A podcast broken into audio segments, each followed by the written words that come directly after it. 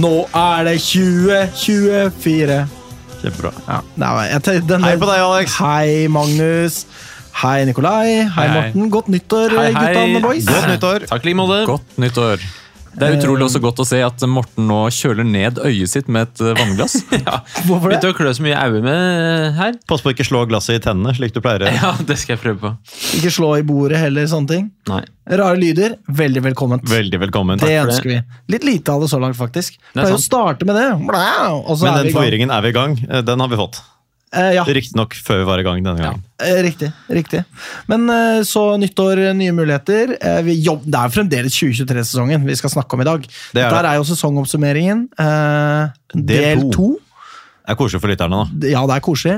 Eh, Vi sluttet på en cliffhanger. Hvordan skulle det gå? De lurer nok hvordan det endte. har akkurat mistet opprykket med ett fattig skåret mål. Eh, det er eh, kvalik igjen. Gutta er nå triste og lei. De prøver å eh, finne lyspunkter i tilværelsen. Det har blitt grått bitre tårer fra Ole Breistøl osv. Men dette kommer vi tilbake til. Vi har ting vi må gjennom før den tid. Nå blir det en cliffhanger med en cliffhanger, på en måte. Det er helt Jeg teasa cliffhangeren. Det gjorde du. Eh, men, eh, Du er må- altså så dyktig. Tusen takk. Det har vi faktisk fått tilbakemelding på, at vi er dyktige. Drivende dyktige, var det noen Ja, som sa. ja. Det syns jeg ja. Du liker å nevne det. Jeg syns det, synes det er koselig da, å få komplimenter for podden. Og spons og Spons har vi fått, da! Ja. Det er ikke måte på. Nei. Det er, eh, det er veldig, veldig hyggelig. Hyggelig, det. Setter stor pris på det. Vi gjør det. Men uh, uansett, hva har skjedd siden sist? Nikolai, det er deg jeg ser på. Oi, Sett i gang. Hva har skjedd siden sist? Oh, det har vært eh, en liten juleferie, da, vet du. Der har det skjedd eh, lite. Jeg har vært på jobb, fordi jeg har jo byttet jobb. Da har man ikke noe opptjent ferie. Da ender man fort opp med å måtte ta akuttvaktene i jula. For da er, de er det ikke så attraktivt for eh, de som har ferie å si ja til. Men du har vel feriepenger? Du kan vel egentlig bare ta, ta ut ferie? Ja, noen må være på jobb. Ja, sånn, ja. ja. Og da, Da blir stiller han ikke jeg nye. først i køen for Nei, å få skjønner fri. Det skjønner jeg. New guy, ikke sant? Hei, new guy! Du tar vakta. Er det sånn? Det ble delegert til meg, ja. Ja. Men eh, det har gått fint. Det var en rolig og behagelig jul. Vi har pakket ned hele jobben fordi vi skulle flytte. Jeg trodde jeg skulle si jul, da. Nei da, den har jeg ikke pakket uh, verken opp eller ned. Det har okay, andre nei. stått for. Ja. Ja. Det er ikke så Jeg er ikke så utrolig liksom hypa rundt jul. Nei, Beklager. det er lov. Eh, Men, eh, men jeg har spist eh, julemat, ikke, ikke ribbe eller pinnekjøtt. Hva da? Så da har jeg spist kalkun. Ja, ja, ja. Kalkun Det er godt, driver vi med Jeg har sånn jo American tyske aner, vet du. Oi, det er tysk, ja. Deutsche. Kunne vært amerikansk òg, Ja, kunne vært. Og britiske, for så vidt. for all del. Ja, ja, ja. Så, slå et eh, slag for Det er mye man kunne vært. Det er det. Absolutt. Men uh, ellers så har vi jo da nå med jobben flyttet til en ny herlig lokasjon. Og det som er deilig nå, er at på vei inn til jobb, altså en, uh, en BUP, der psykologer driver og gir hjelp til folk, bl.a. med traumer, der har vi nå plassert oss ved siden av militærleir. Sånn at på veien inn På til Huseby? Ja, Absolutt. Ja. Er det nå væpnede vakter og eh, patruljer med våpen som spaserer liksom rundt. da. Så Ja. at på vei inn til jobb så har du plutselig en marsjerende tropp eh, gående bak deg, eller foran deg. Kan jeg spørre om det gjør deg mer trygg eller utrygg? Eh, meg personlig Ja. eh, mer trygg. Ja, mer trygg, ja. Men ja. eh, for enkelte av våre besøkende eh, mer utrygg. Det er ikke sånn det er skytebane inn i veggen deres og sånn, eller? Fra mitt kontor bevitner jeg skyteøvelser. Hva faen? Sånn at det Jeg har ennå ikke fått noen snap av det. Nei, beklager. Det er kanskje gradert uh... Det er droneforbud. Så Magnus, hold deg unna. Hold meg unna. Ja. Og Thomas Noreng. Ja, Hold dere unna begge to. Så det er altså da uh, skytelyder direkte inn på kontoret. Ja. Jeg kødda jo bare! Mens du har terapi og sånn? Ja, ja, ja. Det er litt spenstig. Det er spenstig. Så øh, det er spesielle omstendigheter. Men foreløpig veldig ingen som har øh, tatt på negativt på vei, da. Det er visse traumer du ikke får lov til å behandle, kanskje? da, siden du Jo, har det det er kjempeeksponeringsterapi. Ja, det er det, ja, ja, det er lurt. I trygge former. Kan sitte inne på kontoret og få liksom eksponering for ja, det ene og det andre. Sånn at øh, det er supert. Ellers går det fint med meg. Det går bra med kattene også. Kuro og Yumi. De koser seg. Ble jo livredde, dessverre, da de måtte ut på en biltur i jula. Nei, nei, nei det er ikke bra for øh, engstelige små katter. If. Var det fyrverkeriredsel også hos disse kattene? Eller? Nei, det gikk helt fint. Det gikk fint, ja. Bil, det gikk fint. Nei. Nei. Jeg skjønner det. Jeg kan, Nei, det minner meg om min egen barndom. Mer redd for bil enn fyrverkeri. Ja, ja, ja. Sånn kan det være. Og TV. Litt redd for TV. TV. Du slår meg som typen. Livredd for TV. Hva er det? Er det noen mennesker inni den boksen der? Hva er dette her for noe? Ja. Det er så små! Ja, Morten, vi er over i deg. takk. Om det er lov til å si. Det er lov å si for deg, i hvert fall.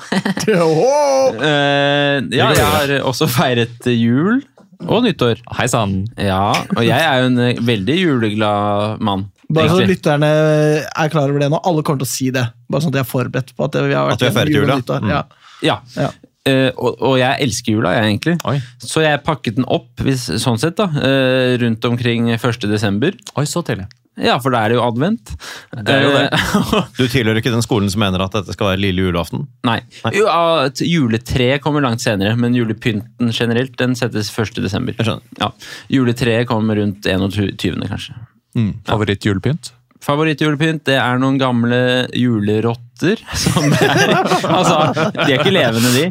Uh, hvis De står ikke og skotter, de. De jo, de står og skotter litt, da, men uh, det er noen figurer, da. Eh, Gamle figurer. Ja, en, en er Henger Geir. Bakke rundt i leiligheten? Ja. Åtte stykker av dem eh, som står rundt omkring. Skotter. Eh, og de er jeg veldig glad i, da, så det er favorittene. Og så spiste jeg Skal vi ta den runden? Jeg tar Ja, ja, det. Vi, jeg spiste pinnekjøtt på julaften. Meget bra. Rakfisk Hei på første juledag. Skinkstek på andre juledag. Og kalkun på nyttårsaften. Mm. Så jeg har jo vært gjennom noen sånne retter. Og nyttårsaften ble feiret faktisk uten dekning. Men eh, Det påvirker vel ikke din Nei, deg det så mye? Gjør det påvirker ikke meg. Eh, I Kvinesdal.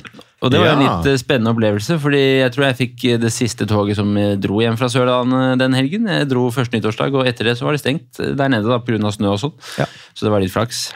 Satt egentlig innerst inne og håpet litt på at eh, også det toget skulle bli utsatt, eller mener innstilt. Slik at jeg måtte ringe jobben og si at jeg var værfast. Mm. Men dessverre så gikk toget, og jeg kom meg hjem i tide, da. Kjipt å høre. Ja. Eh, og julen ble pakket ned for uh, nå, faktisk. Helgen som var. Mm. Det vil si 7. januar. Så var jula over. Og med det takker jeg for meg. Veldig bra. Da tar vi runden her, da. Gjør vi ikke det? Ja, Jo da. Start med det viktigste. Klipp håret.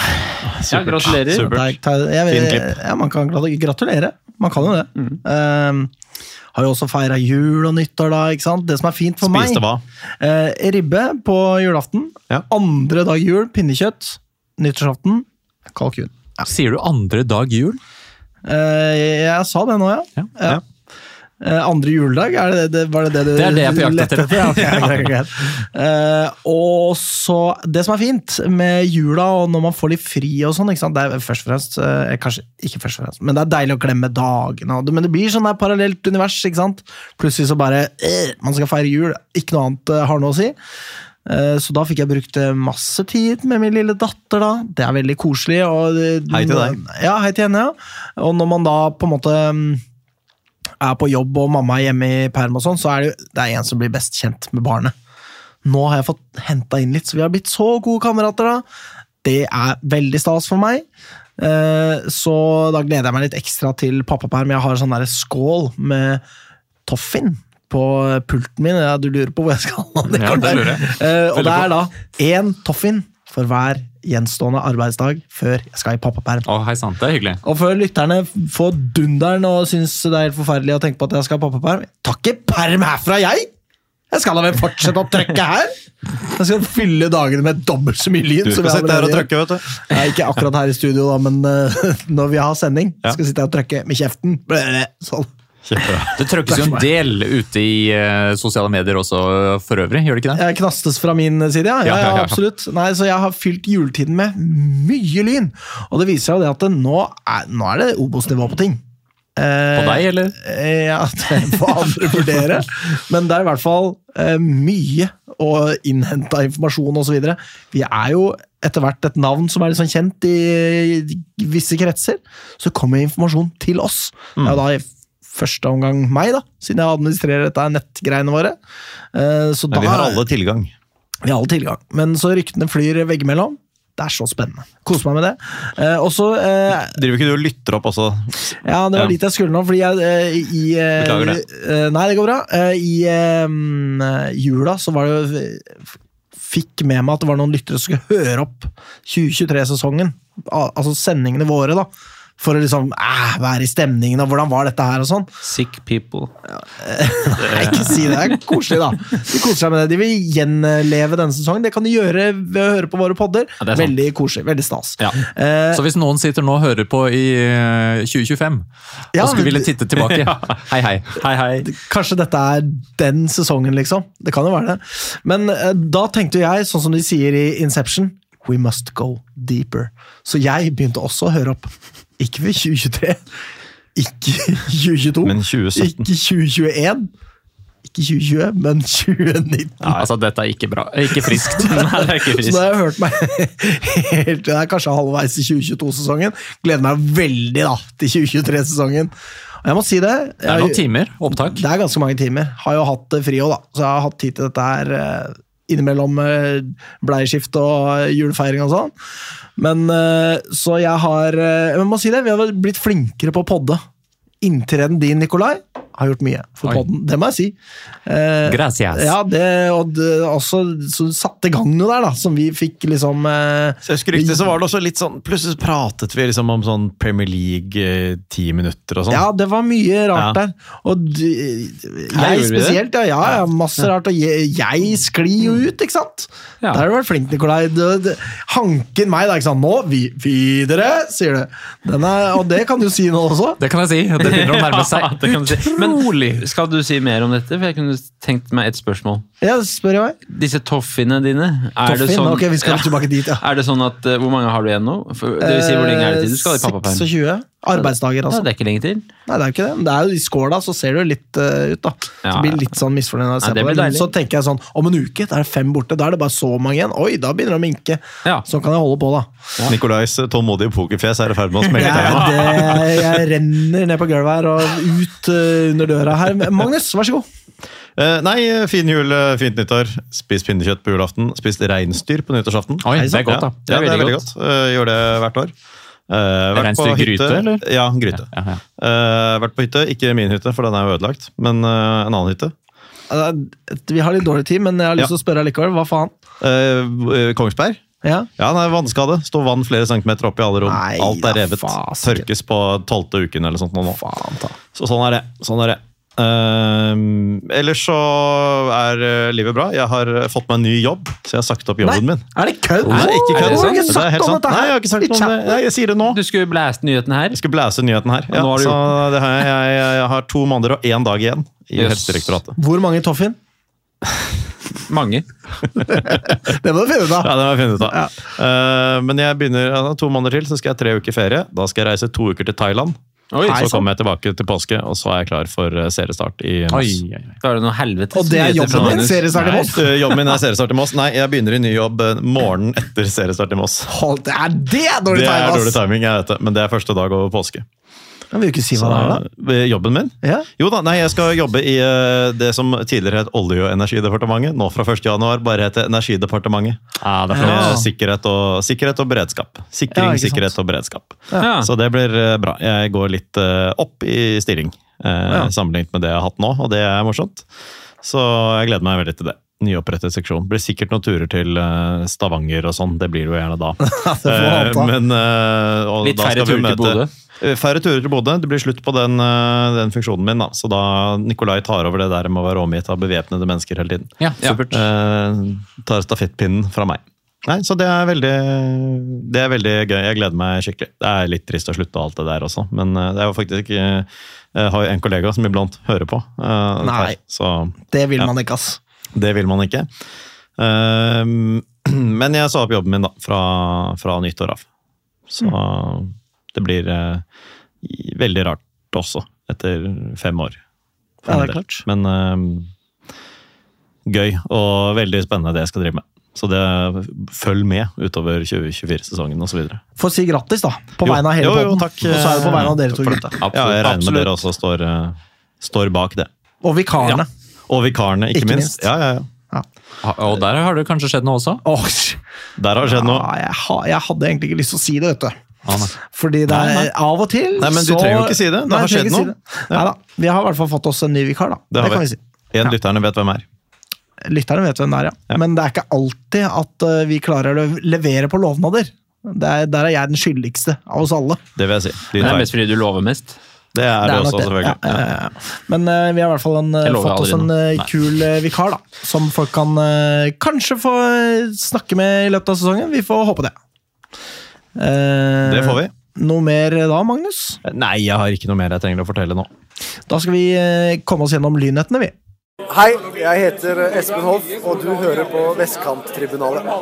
Yes, vi har lynheter, og vi har brukt For mye tid. Allerede. For mye tid, eh, sier Nikolai, og da er jo det sant, fordi det er hans uh, rolle her i podden, Det er hans forse. blant flere. Ja, Jeg er opptatt Men av eh, tid. Det skal du ha. i lynhetene så er det jo da signeringsbonanza. Det er spiller gått ut og inn, herre damelag. Ja. Så vi tar en gjennomgang av det. Jeg vet ikke om det er noe annet også som kanskje må nevnes av lynheter. Jeg vil gjerne nevne en, kan jeg egentlig nevne med en gang, det. før det drukner litt i resten av spalten. Det er eh, et, det opprettet en spleis til Ja. inntekt for Bastionen Tifo. Det er jo delt av podkastens Twitter-konto. Eh, men tenker det er greit at vi nevner det her også. Den går går så det suser. på- Ja, den går så det suser. Skikkelig. Erik Botheim har gitt 5000 kroner, blant annet. Det er herlig. Uh, Der fikk vi igjen med rente for det Fifa-penga vi ga. Absolutt. Uh, Spleis.no slash 358083. Men det er også delt i Bastionens uh, Facebook-gruppe, blant annet. Og sjekk vår Twitter-konto eventuelt. da. Man kan jo søke det. det opp også på spleis.no. Det kan man absolutt gjøre. Jeg kan jo si da, per eh, i dag, 10. i første, så er det altså 112 givere som har uh, bidratt med 44 120 så langt. Ja, det er Er det Det er bra. det Det er gode ti Det for er faen meg Og mye, altså her, er- ikke sant, Lyn fotball gutter 2002 gir penger til Nei. eh, TIFO-aktivitet. De er da den siste som har gitt. Og også Lyns eldre ved Nei, sju. er Vi vet jo hvilken sjuer det er. Ja, det er herlig, ass. Hele klubben Og fin, står fin bjelke. Fin, ja, ikke minst. Benedicte, vår venninne. Ja, det er veldig mange kjente navn. Kåre Olerud. Ja, men ikke sant? Det er herlig. Koselig type. Noe Trondheim. mer eh, fra din kant, Magnus? Eh, nei, egentlig ikke noe mer fra min. Nei, jeg går ikke gjennom deres avdelinger sesongen Nei, som kommer. Det tror jeg jeg dropper, ass. Ja. Det kan vi ta på første ordinære Jeg ser Morten har veldig lyst, da. Nei. Jeg prøver å, jeg prøver å lete opp en annen nyhet. Ok. Kommer tilbake med den. Men uh, skal jeg ta for meg signeringer og spillelogistikk, da? Uh, ta for oss damelaget først. Nysigneringer, aller mest relevante, er Joakim Dragsten. Kommer inn som hovedtrener. Ja, Høds uh, trener. Forhenværende. Ja, jeg tenker jo at dette er den sterkeste treningssigneringen eh, damelaget har gjort noen gang. Ja. Vi, Hente en ja, trener fra Obos-ligaen på Altså, det er det jo. ja, Liksom. Det er, eh, og en som det har vært en del oppmerksomhet rundt. Han er jo forholdsvis ung. Han, er, eh, Han er han ble nettopp eh, 34 år. Årets Ja. unge trener i 2022. Ja. Ja, I. Norge! Ja, altså, hallo, det er dritsterkt! Jeg husker vi henta Ole Johan Aas fra Ullern i andredivisjon. Det var ikke andre engang, kanskje? Nei, jo, det var vel Jeg andre da. det, men- jeg tror det var gamle andredivisjon, muligens. Nei, i hvert fall, Det er den sterkeste treningssigneringen, og det stopper ikke der. Han har fått med seg da Mariken Kleppe og August Nyland fra Molde, som skal inn i trenerteamet. Eh, Mariken Altså Molde. Ja, ja, ja, ja, takk, takk Ikke personene for øvrig. Eh, nei, eh, Mariken blir da assistenttrener. Jeg vet ikke hva slags team de går inn eh, i her, men Reikerås er vel med fremdeles. Eh, så det blir spennende. Um, det kom, har kommet mye bra fra Molde til Lyn eh, på kvinnesiden. Ikke så mye på herresiden. eh. man kan jo kanskje tro Hæ? at Syns du ikke var bra det samarbeidet vi hadde med Molde på herresiden? ja, Det samarbeidet med Molde på herresiden, eh, hvis eh, frukten av det blir at eh, Mats Bøhler Dæhlie kommer til oss som 32-åring, ja, så skal jeg si at det er greit. Ok. Ja, Det kan jo skje. Han har akkurat signert eh, fireårskontrakt med Molde, da, så det var litt dritt. Fire? Men, fire år, ja. Ja, Han never mind. 28 Unnskyld, tilbake til saken.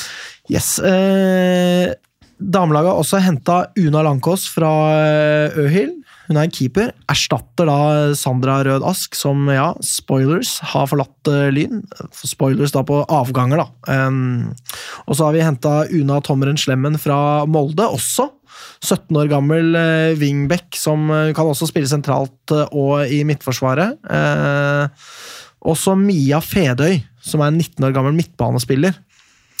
Så det er Man henter jo spillere på omtrent uh, samme type måte som man har gjort før. Det må vi kunne si. Ja, nå er vel Molde i uh, står, Hvor Mia Fede har jeg ikke fått eh, Hvor hun kom fra, har jeg ikke fått med, men eh, Øhil er jo ja, Nå er det jo førstedivisjons...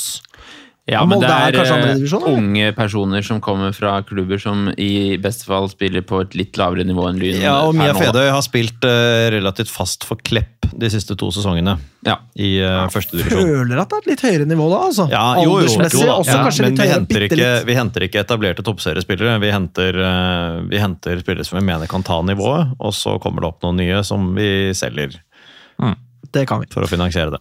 Riktig. Eh, Det er jo det vi har slått oss opp på, og blitt eh, jækla gode etter hvert. Verdens Når, beste, sier Poster Morten. Ja, jeg vil eh, i hvert fall gå med på at vi er Norges sjette beste fotballag. Ja, Det er det var bra. det jeg mente. Ja, ja. Ja. Det er knallbra, det.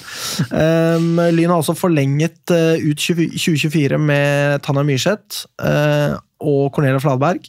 Kloss er med videre, og Hernes er med videre. Eh, Emma Helstad Amundsen helt til 2026. Det er Så hun tar to nye år. Det er jo eh, tendensen at man eh, forlenger med ett år av gangen, er jo også litt på vei ut.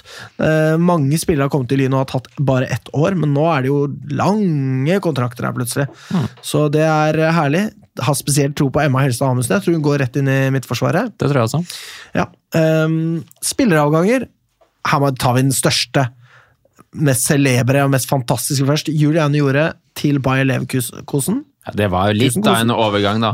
Eh, det var det. ja, Nå kan ikke jeg så mye om Leverkusen sitt kvinnelag, men det var jo litt sånn uh, schwung over det, må Du kan jeg ikke si. så mye, men du kan litt. Jeg Du kan kan jo fortelle det du vet, da. Ja, jeg vet jo at dette er en storklubb i Tyskland. Eh, det er det jeg vet. Ja, men vi husker jo eh, Altså, De ligger på femteplass i eh, Frauen-Bundesliga. Ja. Og her kommer det jo inn et eh, rekordbeløp til Lyn. Hun hadde jo et halvt år igjen av eh, sitt, eh, sin kontrakt med Lyn. Så Det er jo en rekordlang kontrakt også på den andre siden. det. det er jo det. Eh, kan minne om at Camilla Melgaard også bare har et halvt år igjen av sin kontrakt. Så Ei. skal hun selges nå? Skal hun signere en ny kontrakt? Hvem vet? Vi får se på det, men det er uansett, jeg synes det var fett. Jeg er sånn, går og fabler om å kjøpe sånn Leverkosen-drakt med jorde på ryggen og sånn. Du er typen. Ja, jeg er, Men så, det- jeg er en Kanskje den loddes ut. Det er en overgang på kvinnelaget eh, Altså på kvinnelaget som man kan eh, være litt eh, stolt av, eller mm. Ja, det er det. Og, og ikke være pinlig over, eller noe som helst. Absolutt. For det første så altså, vi får litt penger, og vi, Det vi unngår å liksom miste det til en sånn rival som det er litt Ja. pinlig at vi mister det til. Og så viser det jo at det er et godt nok utstillingsvindu til at såpass store klubber i utlandet kan finne deg. Har du ambisjoner om å, gå, om å spille utenlands og for en stor klubb, så kan du få vist deg frem tilstrekkelig ved å spille i Lyn. Drømmen om Europa var jo noe, med, noe Tom Stenvold snakket om da han var innom her. Det realiseres jo nå. Det er herlig. To spillere har vi sendt ut i Europa nå. Kirvil og Julie. Ja. Så det er supert. Sendte vi Um, Julie hjem igjen om et par år. vi får se på det. Det er ikke sånn Lyn opererer. Nei, vi gjorde Eh, det med med Kirvil. Ja, det er det ene unntaket, faktisk. um, eh, Lyn har også sagt morgena til uh, Gulbrandsen, eh, Rød Ask og Lein, som ikke får fornya sine kontrakter. Emilie Lein altså. Og hun sendte oss altså tidenes koseligste Ja, melding. Ja, Da hun dro. Jeg visste jo om eh, denne avgangen før Lyn meldte det offisielt. Det var utrolig koselig. Ja, men snikskryt. Altså, det, hun eh, Åpen bare skryt. er Ja, åpen skryt, ja. Hun er eh, bare så skjønn og sa at hun skulle fortsette å høre på. Det var ikke Ja, det måte er veldig, på. veldig hyggelig, altså. Ja, så det er veldig stas. Og Emilie, hei til deg fra alle Hei, oss. hei, hei. Hei til deg. Og synd at du ikke er med videre. Ja, det må vi si. Det, det er kjipt, men uh, hva skal man gjøre? Sånn er fotballen. Det var omtrent det jeg svarte på meldingen. ja, I tillegg til hyggelig å høre fra deg. Ja, That's life. Ja, det det med Sånn er det. i- ispedd andre ting. Um, og så har vi den styggeste, da. Selvfølgelig. Stygg sak. Kjipest for meg, det må jeg si. Issi til er det eh, er kjipere for deg enn oss. Nei, fordi Iselin Sandnes Olsen uh, sin uh, rosa som har pung- punga ut sløyfe-drakt for drakt? betalte jeg litt penger for. Ja, ja, ja, ja. Den gjør seg dårlig nå. kan ikke brukes! Nei. Så det syns jeg var jævla kjipt. Det var- la til og med drakta oppå med en datter Det var Noreng som sendte melding til meg om dette her, da. Ta den med på Lyn Vålerenga neste år og brenn den på Ja, men ikke sant? Skal jeg brenne den, liksom? Skal jeg holde på sånn? Jeg bare ja. Nei, er- skal ikke gjøre det engang. Skal ikke gjøre noen ting. Nei, jeg skal ikke gjøre noen ting, men uh, bruke den skal jeg i hvert fall ikke. Nei, Du kan jo det- kaste den. Ikke min kone heller. Jeg kaster den, altså liksom, Det er Good, uansett kjipt, good da. riddance, Ja. sier vi. Så Judith. Lyn har eh, Lyn har strukket seg langt for Ja, å beholde. Issi. Uh, hun var ikke interessert, og går gratis til Vålerenga. der, sånn. Uh. Ja, ja. Nei, men man skylder ikke henne noen verdens ting. Takknemlighet, noen ting. Nei. Ha det. Ha det. Eh, så da går vi videre til herrelaget. Det var det om damelaget. Nysigneringer. Eh, vi teasa tisa Johansen, vi. Og Johansen, han kom. Fra Arendal. Har eh, signert med Lyn og blir Lyns venstreving. Eh, erstatter for eh, Ole Breistøl. Eh, sier Glenn. Velkommen. Skal være. Ja, velkommen skal han være. Eh, Det blir jo veldig spennende, og har jo da veldig god link angivelig med Hellum fra før av. Ja. Det er jo bra.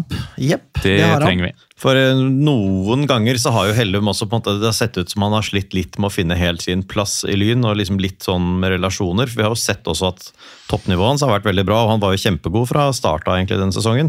Eh, så så vi jo mot, eh, så vi mot Hødd hjemme, eksempel, da han liksom feilvendt klarte å holde unna han Hodor, som som du omtaler om, Nikolai, og som jeg, jeg er enig i det. Eh, han har hatt noen gode prestasjoner, men noen ganger slitt med å finne liksom litt sin plass i laget. Da. Hvis han får en inn som også eh, kanskje skal være da i startelveren, så, så eh, og og kjenner ham, så er det godt mulig det kan heve altså at summen av de to er betydelig bedre enn begge to er eh, hver for seg. da. Det er jo en spiller som har alt å bevise på nivået. Han har aldri vært der før. Nei. Eh, Han har bøtta inn mål de siste to sesongene for Arendal, eh, så det, det blir spennende å se. Spilte jo to gode kamper mot Lyn også. Definitivt. Eh, Og mot mange andre. Ja. Eh, Hvis man ser Sizzle Reels fra han, som jeg gnåla om på Twitter om at noen måtte legge ut, og så ble det lagt ut. Eh, Det er på YouTube, Nikolai. Altså en, eh, Ja. et klipp med alle hans mål. Ja, takk. Takk skal du ha. Yep. Jeg også sier takk for det. Ja, eh, og der er det mange forskjellige typer skåringer, ass. Ja. Det er positivt. Det er positivt. Han kan smelle dem inn fra både her og der. Måltjuv og langskudd, og det ene altså med det andre. Og det er jo det- et stort uh, hva skal vi si, rom og en stor plass, store sko å fylle Det er det. Ja, utvilsomt. Og det er nok kanskje en litt annen type òg, får man anta. Det virker sånn. Og en, Fordi- det blir jo en eh, ny posisjon, da, for han var vel mest eh, spiss hos Arendal, var han ikke det? Ja, Han har spilt eh, på venstrevingen eh, sammen med Hellum eh, sentralt i Arendal. Men i år Men i år spilt så han eh, Jo, spiss. Ja. Ja da. Mm. ja da. Så det blir spennende, men da har vi jo et spissalternativ der òg. Det er fint. Eh, Ja. Lyn har også signert høyrebekken eh, Jørgen Vedal sjøl, som eh, jeg har en sneaky følelse av at er førstevalg ved sesongstart. Det tror jeg. Det kan godt være, ja. Det er, eh, det er jo ham mot Meinseth om den høyre backplassen, skulle man tro. Ja, det er det. Så det blir spennende å se hva de går for der, men uansett positivt. Han har jo eh, U-landslagskamper, treningsopphold i Leeds, eh, har vært i eliteserieklubber også, vel? Ja, da var det En, Strømsgodset. Ja. Mm. Kjenner jo gutta fra Drammen på laget derfra. Ja. Blir spennende, fordi han presenteres jo også som en offen- offensiv back, med, med liksom eh, kanskje ekstra kjent for å gå på løp. Ble det beskrevet som at han var øh, noe sterkere øh, offensivt og Meinseth noe sterkere defensivt? Det var av en tilfeldig okay. twitterer, da. Ja, ja, ja, som virka riktig. som han kanskje hadde litt peil, men Ja, skjønner. Ja, nei, fordi han, for vi har jo også tenkt på Meinseth som en temmelig offensiv back. Det må jeg si. Det Ja. kan man si. Men det blir spennende å se hvem som vinner den. Ja, men det er veldig bra med god konkurranse der. Eh, og det er jo spennende også når vi henter inn en ny bekk, så skulle man jo anta at det er hentet inn for å ja, heve nivået, da. Ja.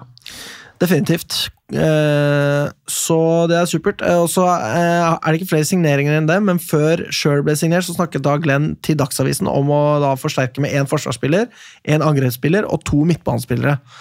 Eh, i Da er det noe som gjenstår. Ja, det er noe som gjenstår. To midtbanespillere, kanskje først og fremst. Kom igjen, hallo alt. Ja, det er ikke utenkelig å tro at Lyn kan snuse litt på han fremdeles. Nei. Jeg håper det. Uh, så vi får håpe det. Uh, og så er det jo da eh, forlengelser. Eh, Alex Pedersen var jo den vi venta på, kanskje først og fremst. Mhm. Deilig Den fikk- den å få han med videre. Det Ja. tar ett år, da, så det blir spennende å se hva som skjer om et år igjen. Men den tid, den sorg. Eh, herlig å ha han med, ha han med ett år til. En eh, brennhet kandidat til å ta 'Her kommer vi'. Over Ja, det må man absolutt si. Det var jo temaet tema i ja. Sells uh, visitt. jeg spurte.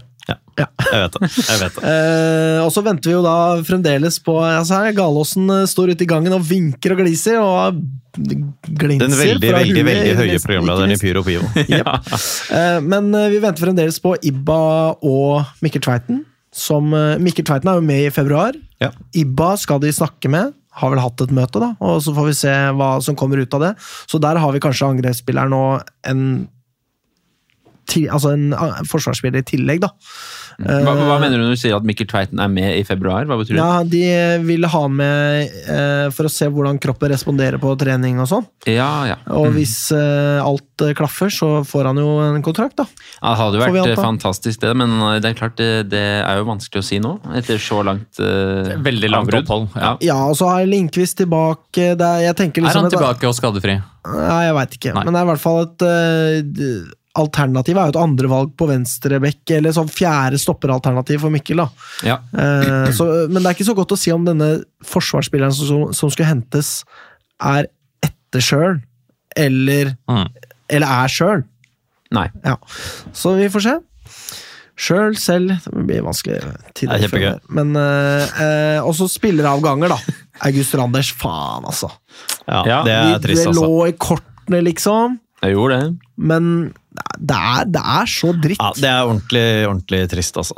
Han har jo eh, bare vært eh, Han var jo suveren da han kom, og har eh, bare vært en god spiller og en topp type. Vi har Mm. hatt han på pod her. Altså, det er bare, bare trist. Altså, han har bidratt mye det har han. Ja. Og, Ja, på flere måter, altså. På mange måter. Og fra han kom inn og spilte Jeg tror en av de uh, matchene jeg husker ti, fra, fra litt sånn tidlig av, når han spilte på bekken og kom med noen helt sånn sinnssyke raid opp, uh, oppover langs bekken der. Var ikke og, det som midtstopper, da?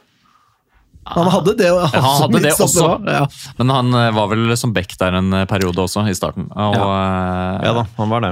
og hadde, når de kastene ble introdusert, så var det jo en uh, ny æra som åpnet seg for Lyn, som har vært uh, ræva på dødball i lang, lang tid. Til stor glede for Magnus. Eh, hva da? Innkast Innkast, ja. ja, ja. Veldig fan av det. sånn... uh... generelt. Men Men, hvis, uh, hvis man skal se litt positivt på August sin avgang, da, så er det jo på en måte antageligvis positivt for ham å dra fra Lyn. Og vi er det. ønsker jo han alt vel. Nå er han, han, er, han er vel klar for ny klubb? Ja, for Hønefoss. Hønefoss, ja. Og Det er jo ikke dumt, det. Nei, det er en kjempeklubb, Så det er jo egentlig en god overgang for August, tenker jeg, da. Med tidligere, lyn, tidligere Lyn-trener, er det ikke det? Jo, Gunnar Halle er treneren til Hønefoss. Gode ja. nedrykkstreneren fra 2009. Ja, klinger ikke så godt i lynører, det navnet, egentlig. Men August Randers, det skal klinge for evig tid godt i lynører. Ja. Lykke til. Eh, lykke til.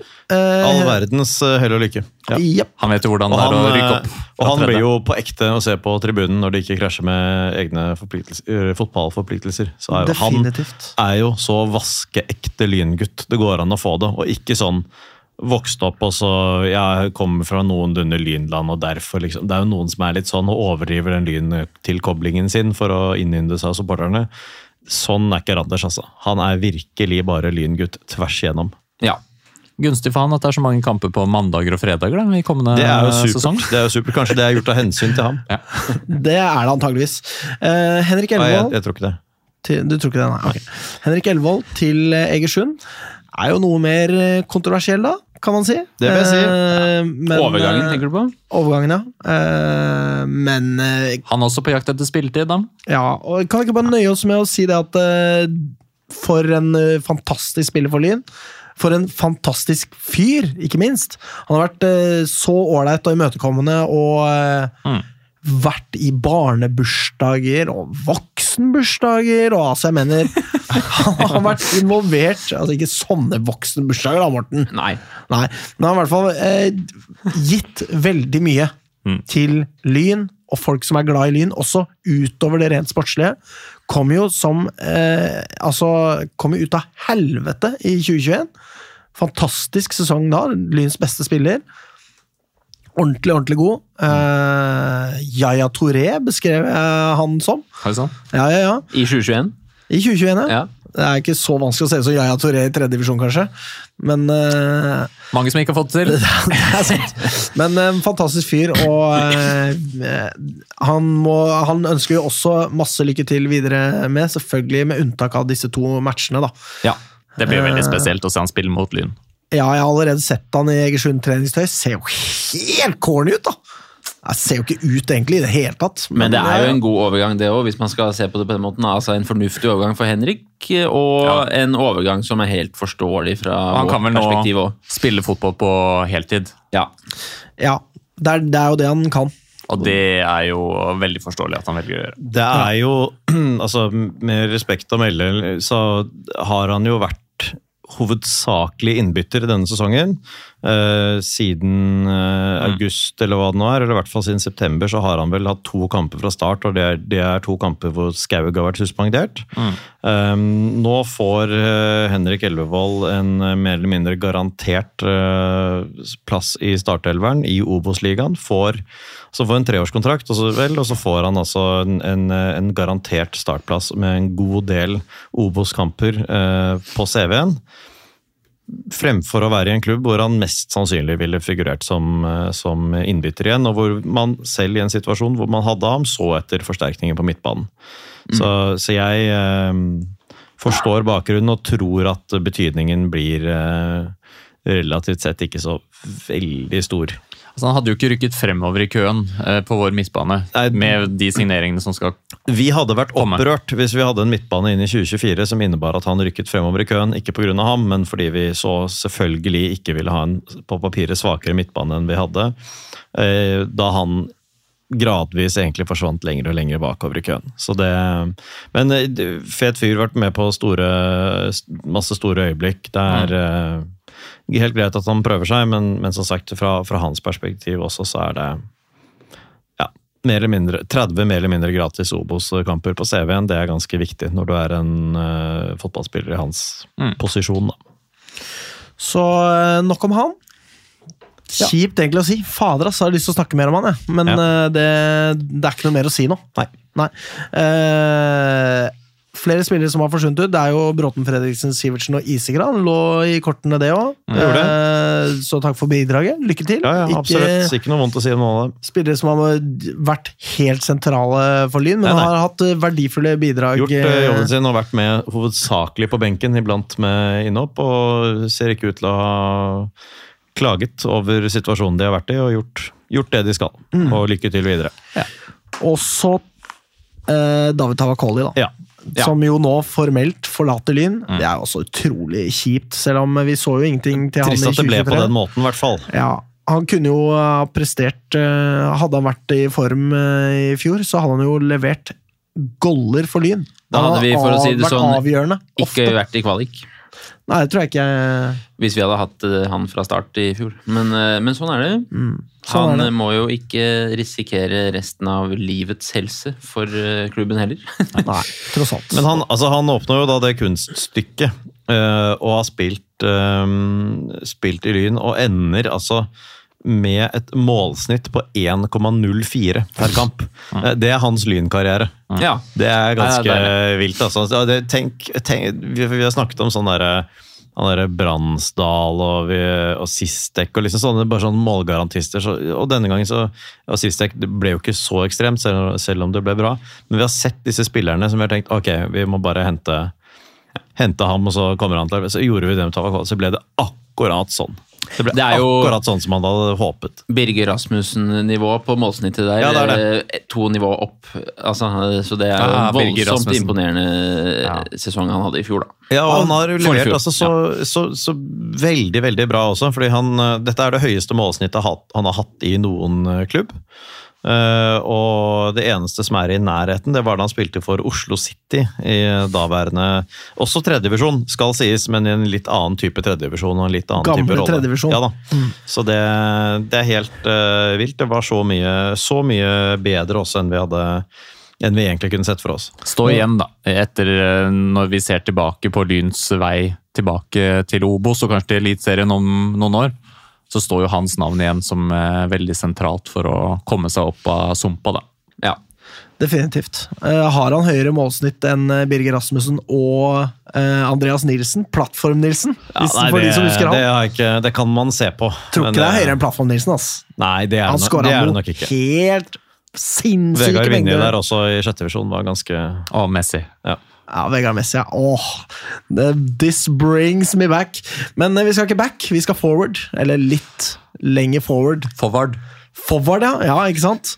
Eh, fordi vi skal ta en liten vignett. Nei, Nei, kan jeg å nei, si å bare nei. Okay, ja, nei, Vi skal gå rett videre og snakke om uh, kampene. to jævlig raske nyheter. Først og fremst eh, så er det altså Du er jo opptatt av medlemsdemokrati. Det er årsmøte i Bastionen 30. januar. Og når du sier du, hvem mener du da? Alexander. Ja, uh, og der er det bare å møte opp. Uh, jeg er jo i valgkomiteen, så det er alltid ålreit at det er f.eks. 30 og ikke 8 mennesker på sånt årsmøte. Det var godt opp oppmøte i fjor.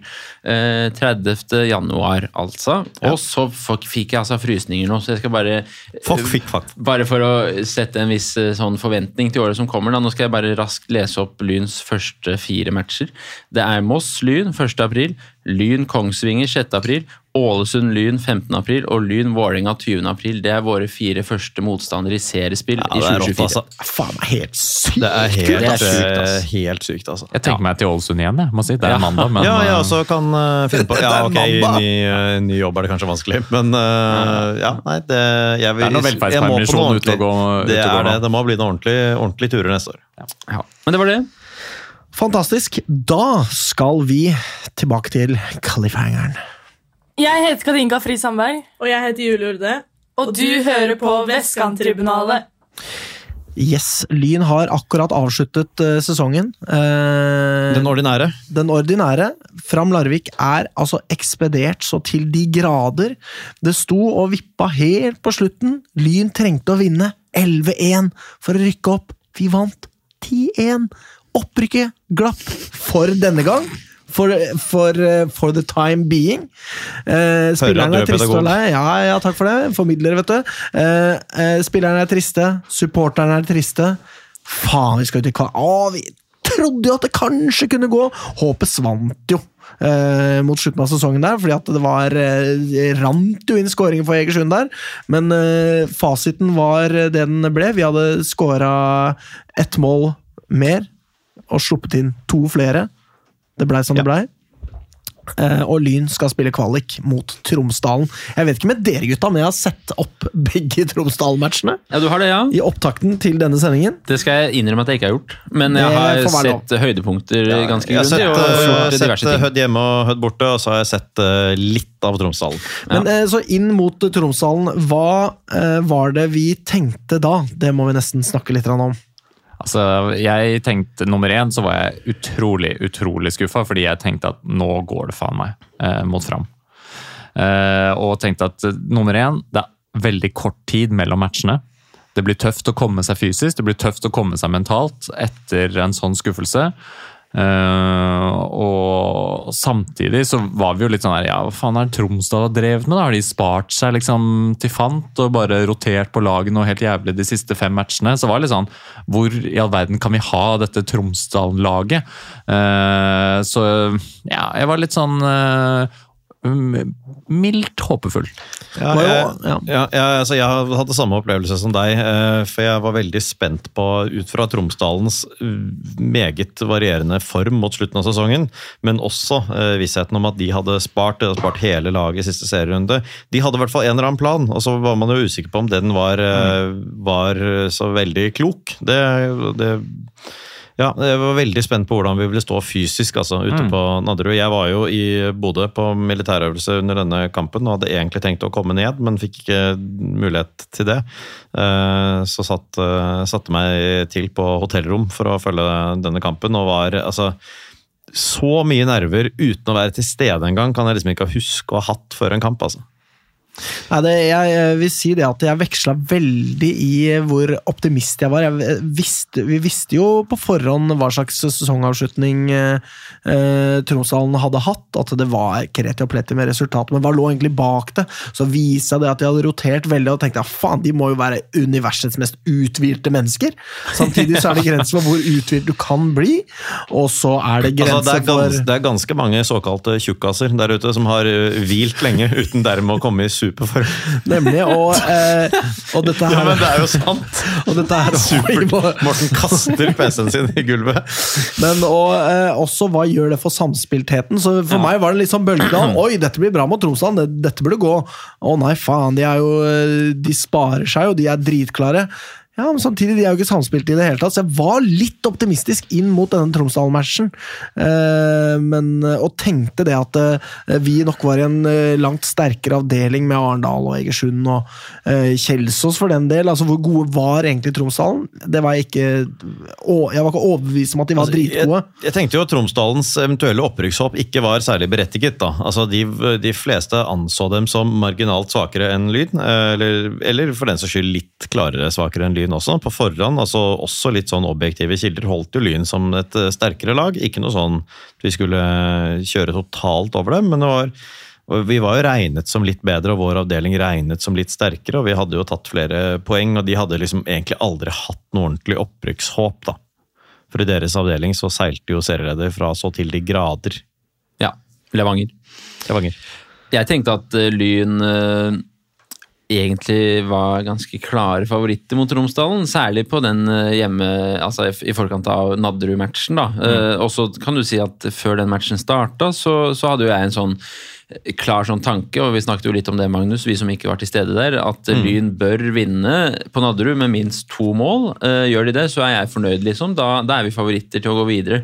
Hvis vi ikke gjør det, så, så var jeg jo livredd for returmatchen, og det, nå vet vi jo at vi selvfølgelig endte med å tape den kampen, da. Eh, så, så den Spoiler, optimismen ble jo litt borte for meg eh, mellom de to kampene. Jeg, jeg var jo eh, egentlig ganske resignert i perioder mellom de to første kvalikmatchene.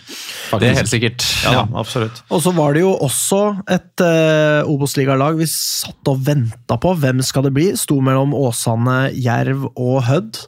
Uh, hva var det vi håpa på der? Jeg håpet jo på Hødd. Eh, og var veldig happy da det ble det. Jeg òg. Ja, men det var jo flere som håpet på Jerv, bare fordi de fremsto så til de grader i oppløsning. Altså at eh, kvalitetsforskjellen mellom Jerv og Hødd i Jervs eh, favør, sånn på papiret, eh, ville utlignes så mer til av den ræva formen og selvtilliten og alt de kunne finne på å surre, surre til. Men jeg var av den oppfatning at eh, Hødd er var et såpass mye svakere lag på papiret at jeg ville vært så, ville vært så redd for Jerv. da, At hvis de bare har én helt ålreit dag på kontoret, nå hadde de ikke hatt det på veldig lenge, men da ville de slått oss. Sånn var det ikke med Hødd. Der hadde vi en sjanse selv på en relativt god dag. Og så Men- hadde de jo en ny, relativt profilert hovedtrener også, da. Ja, det, hadde kvaliken. Det hadde, men eh, Hødd i Fantastisk god, trener. god form eh, inn eh, mot uh, slutten av sesongen. Da, og plukka jo ganske mange poeng egentlig eh, helt helt på tampen. Og Ja. hadde to seier og to uavgjort siste fire. eller noe sånt. slo vel Start og Ja. Kongsvinger, tror jeg kanskje også. Er mulig jeg husker jeg skal Men i hvert ikke si det, prestert godt, da. slo de. Ja. Ja. Og, og hevdet seg på Obos-nivå, eh, ikke bare mot de dårligste lagene i avdelingen, så, eller divisjonen. sånn at det var jo eh, Altså Det så ut til å være en relativt tøff kvalikmotstander fra Obos-ligaen. egentlig. Uansett hvem av de tre det ble også. For Enten så ble det et, et på papiret veldig sterkt lag som underpresterte, et ø, overraskende sterkt ø, Åsane, eller et Hødd som da i så fall, for å havne på den kvalikplassen, måtte avslutte ganske sterkt. Eh, Noen sesonger så ser man jo at det er tre forholdsvis svake lag som ender opp med å surre seg ned dit, og et lag som akkurat bikker ned liksom, fra 13. til 14. og havner i kvaliken. Men, men nå, det var en vanskelig sesong å slå Obos-laget i kvalik også, skulle man tro. da. mm. Men over til selve matchen, kanskje? eller? Ja, nei, jeg tenker også at Vi kan si litt om hva vi tenkte om Lyn. Oi. Lyns forfatning inn i dette her. er eh, Jeg tenkte jo det Superb. at uh, Lyn hadde jo en form som var helt utrolig god. Faen har vi dundra på inn mot slutten av sesongen der. Eh, jeg følte liksom at eh, bare plasser hvem som helst foran oss, og vi kommer til å feie dem av banen. Samtidig så var det jo dette med kampbelastning som engsta meg mest. Eh, at der kom, kom Tromsdalen helt duggfriske inn i den matchen mot oss, og at de kunne disponere troppen omtrent som de ville, mens vi måtte mer eller mindre bare sånn ikke slutte Ja, det, det er jo en kjempeutladning. Vi spilte lørdag, og så er det en ny match onsdag mot en helt annen type motstand. Det også er en ulempe å møte ræva motstand, og så plutselig skal du spille kort tid etter mot vesentlig bedre motstand. Det, den forskjellen der er eh, enorm, og når du i tillegg da har fått en ordentlig trøkk i ansiktet med at ja, du vant enormt, men det holdt ikke, det tenkte jeg var eh, et problem for Lyn, da. Men her er Jan Halvor god. Det er akkurat det han er god på. Det var det også noe som eh, poppa opp i mitt hode. at ja, men Han sier bare ja, men det er, ikke, det er ikke ferdig. Det er jo flere kamper her. Det går jo an. Eh, Det er ikke sånn at vi har tapt disse på forhånd. Når det er sagt, Eh, så, så fikk vi jo til en viss grad litt rett i det. Altså, det er en ganske jevnspilt match. ja, du er over i kampen, Morten! Ja, men, Ja, men det eh, må vi- Vi må det. Vi må det. Altså, Ut ifra det, det dere sier nå, da, om at vi fryktet dette her med slitne bein, så spiller jo Lyn overraskende jevnt med Tromsdalen på Nadderud. Eh, Kanskje. Eh, Lyn er best, for all del, men, men vi har ikke noe sånt driv i det offensive som vi Nei. hadde i slutten av den ordentlige sesongen. Og helt fra start av så er jo Tuil eh, ganske gode, egentlig. Så, Så tar var, vi nivået eh, etter hvert. Men både i hjemmekampen mot Tuil og som vi skal komme tilbake til hjemmekampen mot Hødd, så var det liksom Oi, shit! Liksom. Det var det dette klart ja. bedre nivå på begge de to. Ja. Eh, og med Tromsdalen først, da, så var det sånn Oi, dette er det beste laget vi har møtt Mm. Eh, på Ja, lenge. Det var det. Eh, og de, jeg syns de hadde matchen i sin, eh, sine hender innledningsvis. Og uten at det kom noen store Ja, sjanser. eller noe til å begynne med så hadde, det, hadde de det. Og de så ut som et bedre lag, egentlig, og, og vi slet med å skape noen ting. Ja. og spilte bort ballen mye, og det var litt sånn laber kvalitet. Ja. Eh, fra begge, for så vidt, men Tromsdalen har ikke bedre. Og så var det jo, skal også nevnes, da, en Bjørntvedt Olsen i eh, meget god form da den eh, aftenen der. For han, han skapte det eh, vi hadde. Ja, vi hever oss jo, det gjør vi jo utvilsomt utover, utover første omgang. Så, Det første så- kvarteret der er vi litt på hæla. Ja, det vil jeg si. Får de en eh, enorm dobbeltsjanse, og så snur det litt etter det. Ja, det snur jo litt, eh, litt etter hvert, og så får vi Det er vel egentlig kanskje en del, god del nærmere pause, da, men Bjørntvedt Olsen har jo en sånn heading som han kanskje klarer å presse ned halvparten av gangene. Eh, og da kunne vi tatt ledelsen før, før pause, men det gjør vi jo da ikke. Og det er jo Jeg føler jo at det er en ganske jevn omgang eh, sett over ett. Eh, og at, eh, men at det, er- det er ikke noe stor eh, fotball, det her. Det er, det er ingen som kommer noe særlig vei, egentlig. Det er ikke enorme sjanser. Det, det er noen sjanser, men Og så er det, ikke sånn at det lukter svidd av de. Nei, det er, det er det, og du så på en måte at Tromsdalen hadde flere potensielle muligheter til å få store sjanser, men det stopper i pasningen før det liksom eksponerer seg som en kjempesjanse. Der de ikke har nok kvalitet da, rett og slett, eh, til å forvalte det. Det var jo noe enormt dårlig valg fra han ene vingen eh, på Tromsdalen der. Som, Ja, den rødhåra vingen der, ja. altså, Han var dårlig, han.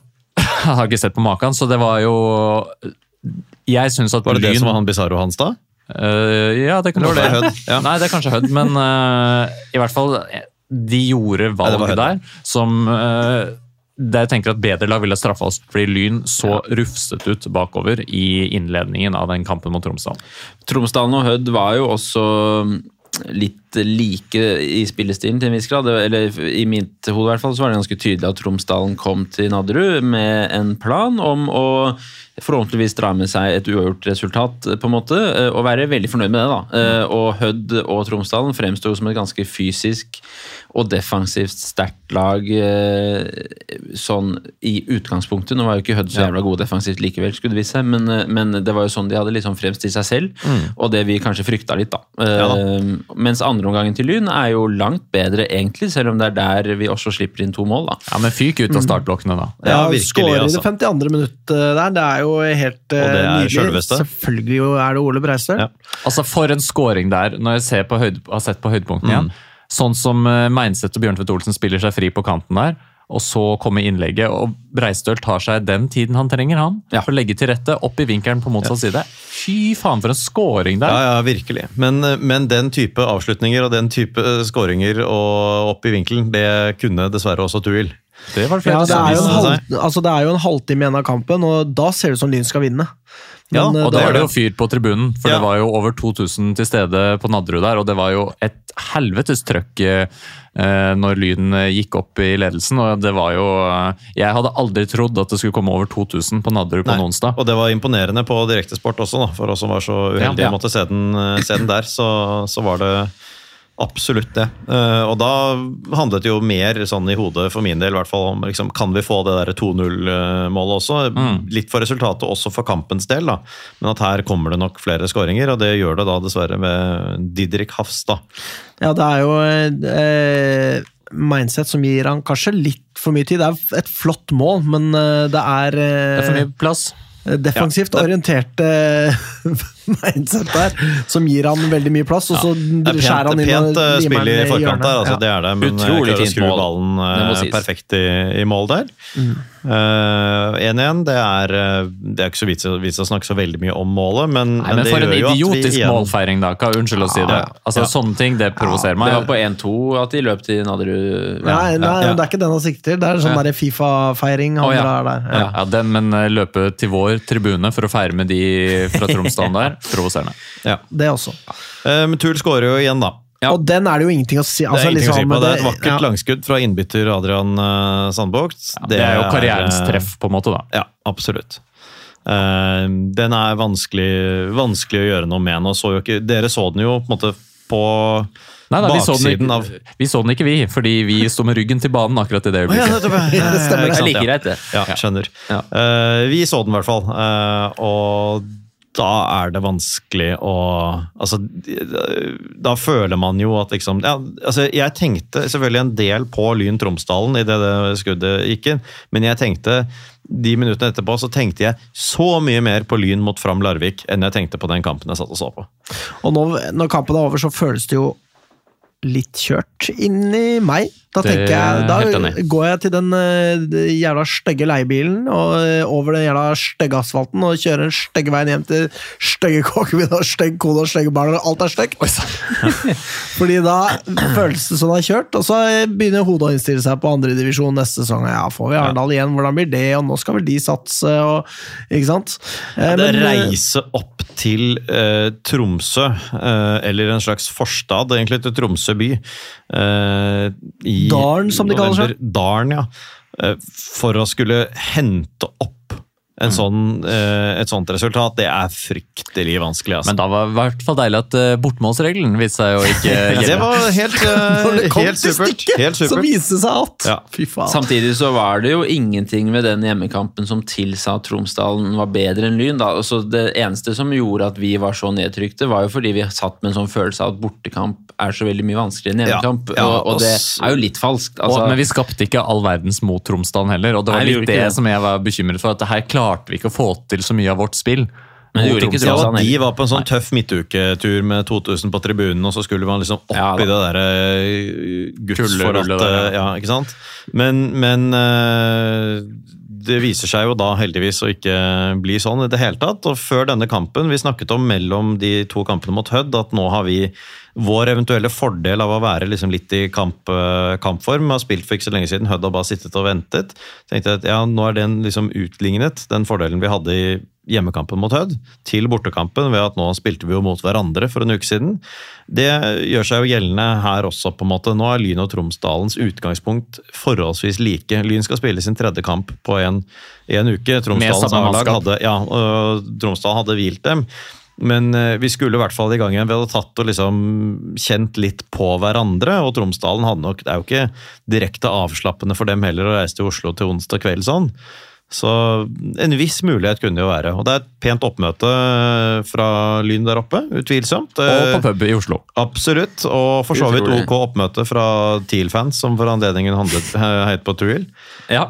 Eh, også, Bare tatt noe blått i flaggene sine, og så ja, egentlig. Og så kødder jo da Tromsdalen det til så umiddelbart som det er mulig, da. Det er før minuttet har gått! minu- det er i det første spilleminuttet.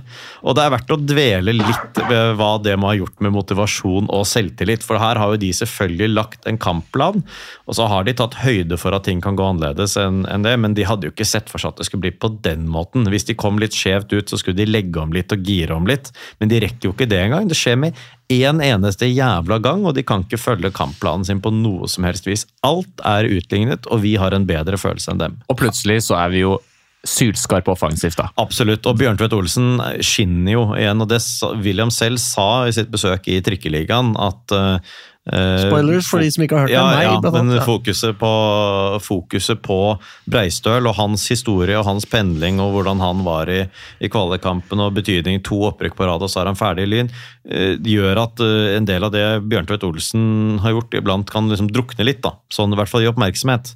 Eh, Og det Bjørntvedt Olsen gjør i disse kvalikkampene, det er eh, også helt fantastisk. Vi er tenker han- mye på Ole Breistøl, men Bjørntvedt Olsen Altså, de, Så to viktig. sam, de to sammen står jo for veldig mye av det Lyn har skapt. Absolutt, og vi har jo byttet litt frem og tilbake med midtspiss og sånn, ikke sant? De vingplassene har vært helt udiskutable. Mm. Og de, har, de har vært helt avgjørende.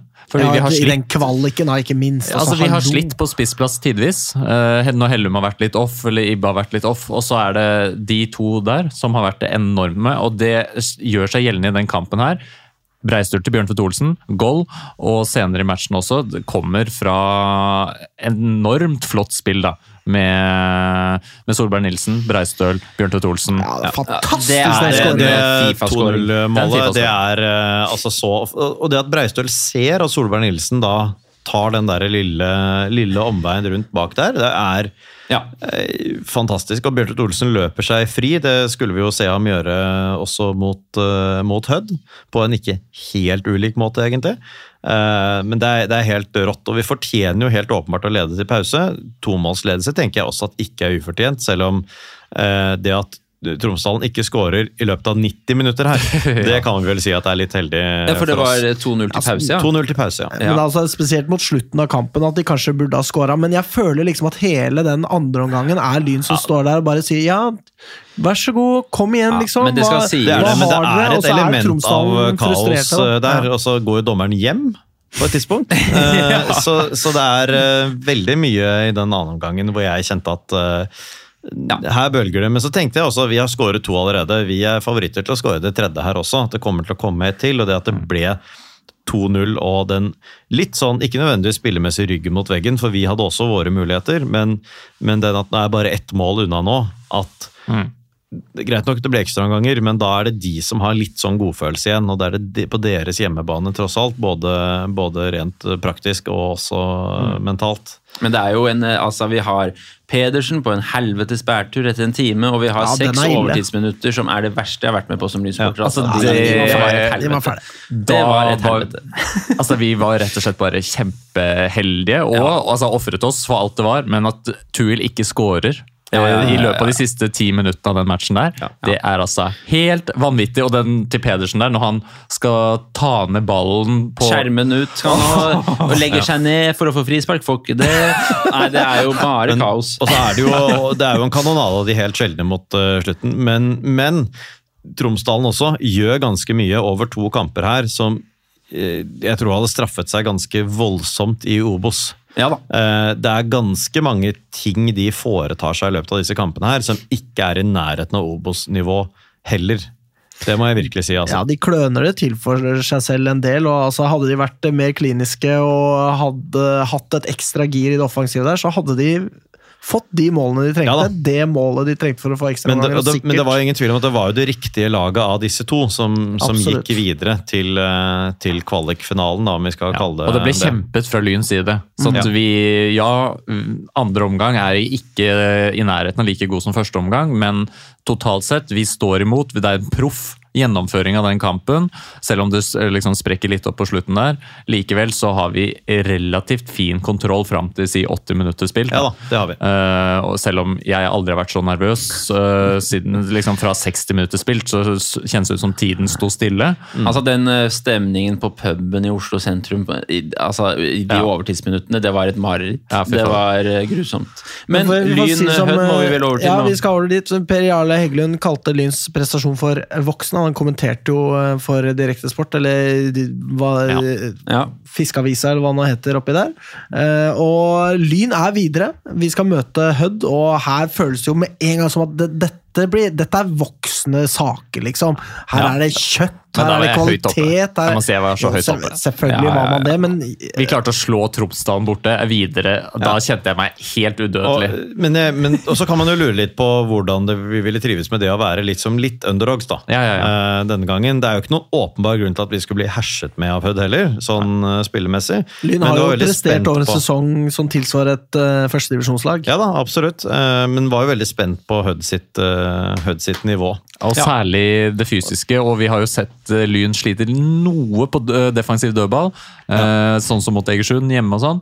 Eh, og Hødd da skulle være så jævlig gode på offensiv dødball, så Ja, det var litt spennende. Og det så jo egentlig sånn ut også, med, med de disse lange innkastene. var jo helt, eh, helt vanvittige. Nå har vi jo vært gjennom disse kampene for ikke så veldig lenge siden på sending, så det er jo ikke så farlig at vi ikke, om vi ikke bruker tid på absolutt alt av kamputvikling hele veien og alt av, eh, av enkeltsituasjoner. Men, men de første minuttene der mot eh, Hødd, så er det jævlig, jævlig skummelt. Eh, med de er der, og de derre innkastene er- altså, Hvis noen hadde sagt til meg da at de kommer til å bytte ut han innkastfyren sin etter hvert. Så jeg tenkte, det er, er du helt sjuk i huet, liksom?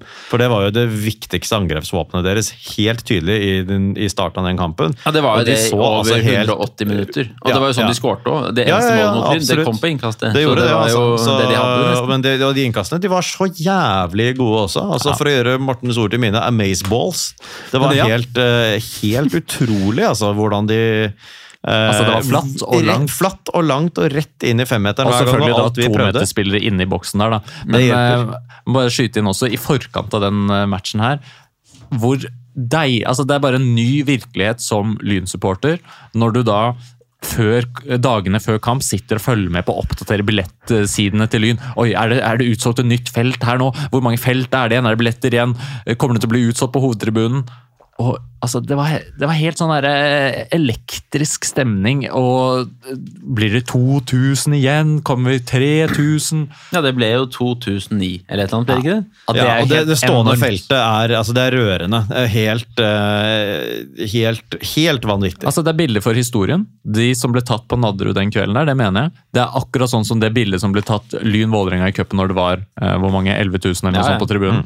Det er samme type Ja, ja, ja. storhet i de bildene. Så, eh, Har dere sett, det må jeg bare si, altså søk opp eh, diverse tribunevideoer på Instagram, TikTok eller hva faen du nå bruker da. Eh, Det er det vakreste av Lyntribunen siden Det det. høydepunkt, altså høyde, hva heter det? Høytiden? Nei, siden den beste perioden vi hadde. Storhetstiden. Vi hadde i Eliteserien. Lyn har ikke levert bedre på tribunen siden 2007 Nei, og det var en perfekt der, liksom. ramme for oss. Ja. En tribune som rommet akkurat det vi kunne mønstre til Ja. en sånn type match. Fantastisk trøkk, nydelig tak. Altså, det var bare en helt insane ramme det det. for en fotballmatch. Og det er jo noe med det å få en sånn dry run mot Tuil. Der synes jeg, fordi Mot uh, Fram Larvik, der var vi på. Det var faen meg Det pumpa. Det var det kjøret! Tvers gjennom kampen. Så kommer, skal vi til Nadderud, spille mot uh, Tuil. Der er det litt mer altså Selvfølgelig tar det seg opp, men er, vi er litt uenige om hvordan vi skal gjøre det på tribunen. Vi starter ikke å synge før kampen og sånne ting. Så kommer den Hud-matchen. det er alle er bare synka, og vi bare dundrer på, altså. Fra før kampen begynner. Det er blinkers, det er Sko smelter. sko smelter. Det er, og, min, min jakke ble ødelagt. Ja. og når de kommer ut der, så er det jo bare det trøkket det var. Altså, tenk hvordan det er for Hødd, da! Ja, Som, og gå inn til pausen jo- pausen også, det var jo nesten enda heftigere, synes jeg, da når vi hadde den Lyn, Lyn, Lyn-sangen til Ja, det var, og det har jeg sett altså, så mange ganger. Og da, med så mange ganger så, ja, Har du sett det syv ganger? Jeg har sett det 200 ganger i jul og nyttår. Bare Ja. Trykke sånn 10 sekunder tilbake, eller, sånn 30, eller 30 sekunder tilbake, bare for å høre den der lyn, lyn, lyn igjen med kommentatoren der. Og noe som han eh, Leander Falkenberg, eh, noen videoer med liksom Breistøl-jubel, og um, det er vel Skaug som ber Mm. eh, lyngutten Schneider om å liksom få alle Kjør med. litt er helt- knyttneve ja, ja, ja. mot tribunen der. Skal Ja, jeg si altså, bare jeg- fortsette det med. er så Altså. fett, Jeg begynte faktisk å grine, for jeg så dette her i romjula en gang, når, når Schneider skulle gjøre det der med Ja, ja, ja. knyttneven. Jeg fikk tårer i øynene. Jeg satt og Ja, så jeg på det med jeg hun skjønte ikke hva jeg drev med. jeg, jeg, jeg delte jo den videoen i chatten med dere, og så Ja, ja. reagerte dere liksom sånn Én reagerte skikkelig, og så gikk det noen timer, og så reagerte den andre skikkelig, og så reagerte den tredje skikkelig. Ja. Nei, det var, eh, det var fett. Og jeg har sett det så mange ganger. Noen av de der store øyeblikkene i de HUD-kampene. Jeg jeg er så glad for at noen var der og tok høykvalitetsbilder og video. absolutt. For det er bare helt enormt, og det er så kult å ha vært med på. Dette her, Det var en historisk kveld for Mm. klubben. Så mye folk, så bare helt elektrisk. Og dette her også, en litt sånn hallmark-type kamp for hvordan tribunen påvirker Mm, spillere. spillere. Hødd, som de bare døde hen og ble I andre omgang Altså, de ble borte. Ja. altså de mista all selvtillit. Ja, også, og, og i den grad de eventuelt hadde klart å snakke altså Dragstein hadde klart å snakke noe selvtillit inn i dem i pausen. Oh, nei jeg vet ikke, nei, nei, men, altså, man kan, men, men om, det, om man så egentlig hadde klart det, så er det klart når de får baklengsmål før det har gått et minutt av annen omgang, tilsvarende som mot Tuil, bare i annen omgang istedenfor første omgang, så knuser jo det også eventuell plan de hadde lagt for annen omgang. da. Er Mulig den var helt urealistisk uansett, men det at, at Loalt Kristiansen får sette inn 2-0 der før det er spilt 46 minutter, om jeg ikke tar feil, så var det virkelig med en eneste gang i annen omgang. Ja. Um, Så sterkt av Hellum. Hellum, ja, jeg, skulle, jeg skulle akkurat si det. altså Etter det nydelige liksom, feilvendte spillet av Hellum. Eller først rettvendt, og så klarer å snu seg, holde den ballen. Mm. Gir den til det som akkurat der og da kan se ut som feil mottaker. Ja. Men så sitter den jo faen meg likevel fra Loholt. Ja. Og så er det jo helt poetisk da, at det er Breistøl som får lov til å sette 3-0. Ja. Ja, altså jeg mener, da, da du snakket om det, da du sa det i stad, Magnus, dette med at eh, Breistøl kommer til Lyn, rykker opp to ganger, drar. Ja. Den kjente jeg, altså. Ja, ja, ja. Den, den stakk dypt, den der. Fordi fy faen, så utrolig stort. Jeg blir emosjonell av det der. At det liksom Det er det han gjør, og det, det siste Altså, han liksom er med oss helt til det siste, og skyver oss ned akkurat over terskelen her, og Han inn i. Obos-ligaen. Mm. Tar hatten sin, eh, snur seg mot oss og sier 'Hey kid, catch'. Og så kaster han den ballen, og så drar han! Og så er vi i Obos-ligaen, og han har faen meg gjort så mye for å få oss dit! Altså, han, Året før, sesongen som har vært, nei, nei. ja. og i kvaliken! For en jævla levende legende! Altså, nå, er, nå er jeg på en måte husjuristen her, men, men, så jeg, og jeg vet at det er litt uh, vansker forbundet med, dette, med det her. Men egentlig så burde Breistøl liksom bare få lov til å komme til, fly tilbake en av helgene nå til året og bare få liksom fem minutter Ja, men fem minutter på banen, Ja, ja, ja. liksom. Uh, om det er og om det, det er kanskje ikke i Bydarby, hvor vi bare skal prioritere det, det sportslige, men i hvert fall få en sånn Få spille i den Obos-ligaen som han har vært utgjort så, Spilt en så viktig rolle i å få oss tilbake til. da. Vi tar det hjemme mot Start, den vinner vi uansett. Det er sant. det er sant. Eller, eller Egersund. Eller Egersund. Ja. Men Eh, altså, vi, vi, i løpet av fire matcher så skårer Lyn åtte mål, hvor alle de åtte målene kommer etter helt praktfullt angrepsspill, hvis man tenker over det. Altså, Det er åtte mål som innebærer Fakre innlegg, Fakre innlegg. fakre innlegg stupheadinger, eh, avslutninger i hjørnet, overlapp mellom back og ving. Altså, det er jo et angrepsspill Lyn viser mot de to beste lagene vi møter i 2023, som uh, bare tilsier at, eh, at Det det, hadde vært så fortjent. det. Altså, det Ja, var så fortjent, mener jeg, at vi rykker Ja, opp. altså at eh, vi ender opp da med den 2-1-seieren i Ålesund. Vi kan jo snakke litt om den, men vi har jo også gått gjennom den i, i veldig stor utstrekning. Men altså, vi ender opp med å skåre fem mål mot Hødd. Vi ender opp med å vinne hjemme og borte. Og det, jeg vet ikke om noen har gjort det i dette kvalikformatet. Det tror jeg ingen har Nei gjort. Altså, vi, vi, vi vant begge kampene. Det er helt fullstendig ellevilt. Uh, vi, vi, det vi leverer der, det er mer enn godt nok til å overleve i Obos. Selvfølgelig er det det. Uh, Hødd er ikke over to kamper fire mål dårligere enn alle andre lag i, i eh, Obos. Nei, men altså, Hødd er jo ikke et dårlig lag heller. Altså, Hødd har klart seg helt ok, de, i, i Obos. Ja, de klarer kvalik, og det, det så jo ikke sånn ut for dem, men de har hevdet seg helt decent i Obos. Lyn soleklart bedre enn Hødd. Sant? Definitivt. Ja, ja, Over to klart. kamper. Altså, Så livredde de så ut på Nadderud der. Så ut, altså, så ut av formen de var. Det, det var ikke noe fasong på noen ting. Altså, de mistet jo deres. alt. Altså, eh, selvfølgelig kan man snakke om tribunen også, men prestasjonen på banen det er bare altså, en sånn maktdemonstrasjon. Og bare sånn derre episk, poetisk øyeblikk for klubben vår. fordi greit nok så er det én kamp igjen, og Halvorsen sier at ja, det er mer å spille for, og bla, bla, bla, alt det der. Men det er jo den kampen vi tar det. Det er da vi bare maler dem i senk og bare slår dem. Altså, Altså Spillere og tribunene der, som hånd i hanske, dreper alt håp Hødd har. Den kampen der, vi, vi bare knuser alt som er av Hødd. De har jo mot slutten av andre omgang bare pasningsfeil. De har ingenting. Det blir jo, altså jeg tenkte litt på i forbindelse med den kampen altså at det er en viss sånn parallell til hvordan det var. eh, og det Situasjonen er jo egentlig en helt annen, men litt sånn som med Nordstrand i fjor. At vi, vi tenkte dette her blir, eh, dette her blir tøft, kan vi, kan vi komme til å slite med det? Og så bare ser du at de er der, og de vet at her er det 2% som ønsker at det skal gå bra med oss, og Lyn er bare så jævlig, jævlig på.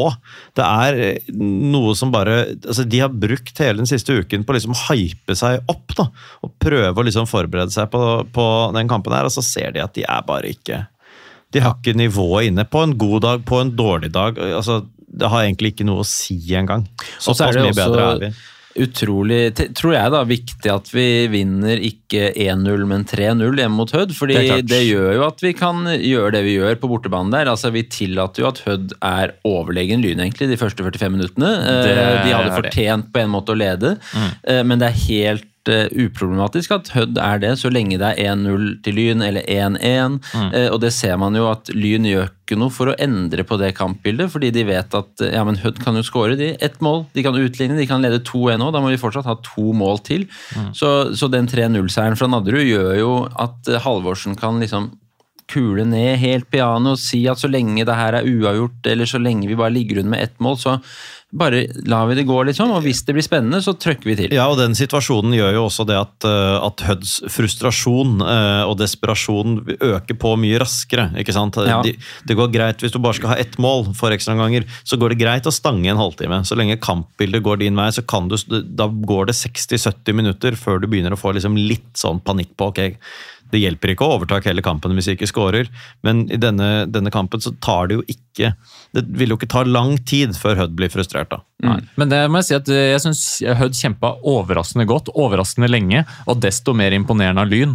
At vi holdt Hødd såpass godt unna. For at Hødd de, de sto løpet ganske greit ut, egentlig. De hadde enormt press på oss i perioder, Ja, også i andre omgang. Og jeg snakket med Breistøl etter matchen. Han sa at han var nervøs fram til det var spilt liksom 70, og kjente, han var ordentlig redd for liksom, Han så potensial i hva som kunne skje. uh, og, eh, og der er eh, Hødd hadde absolutt uh, sine muligheter, sine åpenbare kvaliteter, men Lyn Så jævlig skarpe vi var hele den sesongen, men også i kvaliken. Vi kan skåre fantastiske mål ut av altså, ingenting, sånn som den skåringen til Breistøl, sånn som vi har sett med andre, eh, Bjørn Tvedt Olsen.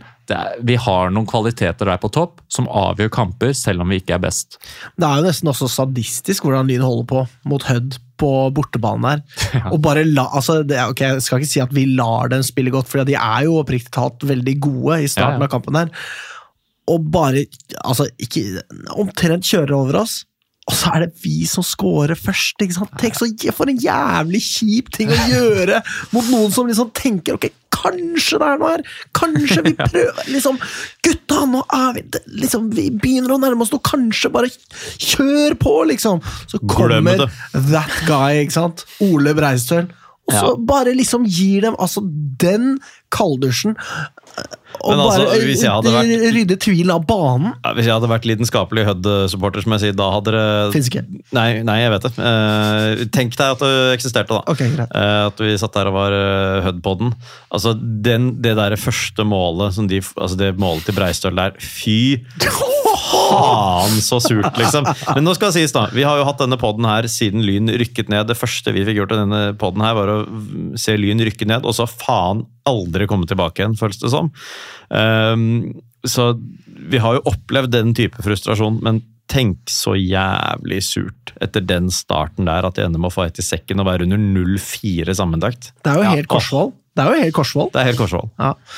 Men eh, Lyn eh, og, og så er det jo også poetisk. altså jeg mener Selvfølgelig forkludres det jo litt til senere ved at ting skjer, og sånn, men at eh, akkurat når det skjer, og i selvfølgelig tiden etterpå, at Henrik Elvold Ja, får ja. muligheten til å sette spikeren i kista. Det er han som har vært så viktig og avgjørende i så mange kamper. at det er han som byttes på og setter den skåringa med Altså, det er jo Det er så Elvevold-skåring som du kan få det. Det er det. En knallavslutning, limer det hjørnet der og bare sier sorry, dette er over. Hødd, beklager. Og uh, Obos-tida deres er over. Vi er Lyn. Vi skal dit nå. Vi skal opp og kjempe der på neste øverste nivå, eh, som vi var i 2010. Og alle drømmene og håpene vi gikk ned til eh, Obos, eller til, til Adeccoligaen med, skal vi nå få muligheten til å kjempe for å fullende, ikke sant? Og sikte på Eliteserien! Det er en prosentsjanse som er over null for at vi spiller Eliteserie i 2025! Hva, altså, hva, hva, hva faen, liksom? Det er, det er helt sykt å tenke på. Ja, men også du, all, all harselas fra, fra Vi skal ikke bruke mye tid på dem nå, selvfølgelig, men all harselas fra, fra Vålerenga-kretser med vår jævla divisjonsturné Bare det å ha det ene året, om det så skulle bli med det ene året, det er ikke sikkert det gjør det heller, men hvor vi er på det samme nivået, det er den samme turneringen som betyr like mye. Nå er alt altså det er ferdig nå. Hele, alt- hele den greia der. Det er over nå. Det er ikke noe mer å snakke om. Du har surret eh, seg ned et nivå. Vi har eh, kommet oss opp to hakk. Det er For 15 måneder siden så var det tre divisjoners forskjell. Det er Altså, tenk det. helt, ut, helt utrolig. Tenk hva slags lag vi spilte mot bare i 2022. Det var så mye, så mye ræl, liksom. Ja, det var så Halsen mye. Kan jeg bare, Det var 2021. kan jeg bare få si 2019 ender altså Lyn på sjetteplass i tredjedivisjon. Tredjedivisjon, sjetteplass, mens Vålerenga 2 rykker opp direkte. Ja, og William selv ble spurt på denne trikkeligaen-greia også om, eh, om eh, altså de, var, de var inne på da de, vi tapte 5-0 mot Frigg. Det var jo den høsten han hadde kommet til Lyn. Ja. Tenk hva som har skjedd siden den gang. Altså Siden Bent Inge, alt mulig rart. Det er helt vanvittig at vi sitter her nå. To sinnssyke opprykk i sekken. Det er eh, altså the time of my life i Lyn-sammenheng. Dette Ja. her er helt Jeg er så glad for at jeg har fått vært med på dette her. Jeg er så glad for at jeg har fått eh, dra til Ålesund og se Lyn rykke opp på den måten der. Jeg er så glad for at jeg har fått bare se et lynlag skinne og dundre over motstand på den måten her. At vi tar det i en kvalik. Beste mulig måten å komme tilbake igjen til der vi var da vi gikk konkurs. Altså, ja, jeg du bare så, nå jeg gleder ro. jeg meg faktisk til sesongstart. Ja. Selv om det bare er januar, og det pleier ikke jeg å gjøre før i mars. Nei, nei, nei. Nei, det er eh, rett og slett bare helt uh, herlig. Nå, uh, det er som jeg sier, jeg føler at det liksom uh, Horisonten er vidåpen nå. Tusen takk. Jeg må bare si tusen takk til, til Jan Halvor, til Glenn, til alle spillerne, til alle som har begynt å følge med Lyn, alle som fortsatt følger med Lyn. Til deg. eh, til dere. Altså, Tusen hjertelig takk, for det har vært et helt sinnssykt år på tribunen. Og altså, det, det har vært så, så mange helt sånne crazy opplevelser der vi vinner på slutten. Hvilket, eh, altså, Kanskje én gang i løpet av en sesong så vinner man sånne kamper på overtid, men her har vi tatt så mange matcher på den måten. Altså, det er bare helt, helt fantastisk. Og fortsatt, vet du, eh, når man tenker på hvordan, eh, hvordan Lyns siste sesonger har vært, så har vi, vært, eh, så har vi fått egentlig sånn, litt dårligere betalt enn vi har fortjent. Mm. Selv med den sesongen her med så mye flyt, så er det ikke sånn at vi har gått opp i et eller annet form for lykketreff i det hele tatt. Vi har, vi har fortjent det, og vi har hatt såpass mye stang ut, og vi som supporter har hatt såpass lite å glede oss over at vi har fortsatt mer å gå på, vi. Selv om dette er en helt sånn sinnssyk opplevelse, og som jeg er kjempeglad for at jeg får dele med dere tre, og med alle lyttere og alle andre også, så, så er det Vi har vært i så mye så deep shit, liksom. eh, At det fortsatt er eh, mer igjen, tror jeg. Og vi setter så utrolig Det er jo en klisjé, selvfølgelig, men vi setter så jævlig pris på det også, da. Fordi vi har opplevd litt sånn reell motgang. Ikke sånn derre Brann må spille eh, litt Nei, nei, nei, kjedelige kamper én sesong, og vi lager dokumentar, liksom. Fuck det, liksom. Altså er 0-5 i. Valhall mot Vålerenga 2. Unnskyld Ja, meg. ja, ja, ja, absolutt. Og det der, den derre Frigg-kampen og Årdal hjemme. og Vi kan gå gjennom alle de der, og vi kommer til å nevne dem igjen i 2024, selvfølgelig. Men det er eh, Og i 2030. helt sjukt. Og, ja, ja, og i 2030. For all del. Men vi, vi fortjener det. Ja. Vi fortjener det ordentlig. Hvis det hadde vært noe som hadde eksistert som hadde hett karma, da, så, så hadde jo vi fortjent å rykke opp neste år òg. Altså, jeg mener helt ærlig, liksom. Det, det, hadde, det hadde vi fortjent. Eh, Så vi kan jo håpe på at karmaen slår til. Nei, en ting er at vi er glad for at vi har gått opp også, og at vi føler at vi fortjener det sånn. Det er så jævlig mange andre Ja. helt Ja, ja. uhildede parter som tar kontakt med oss da, eh, på internett og bare sier 'dette er jævlig fett'. Dere skal være der. Det, at dere kommer tilbake, er dritkult. Altså, det er jo det beste som kunne skje for Obos-ligaen, eh, med tanke på hvem som skulle gå opp. Og Selvfølgelig ned. er det det. Og ned.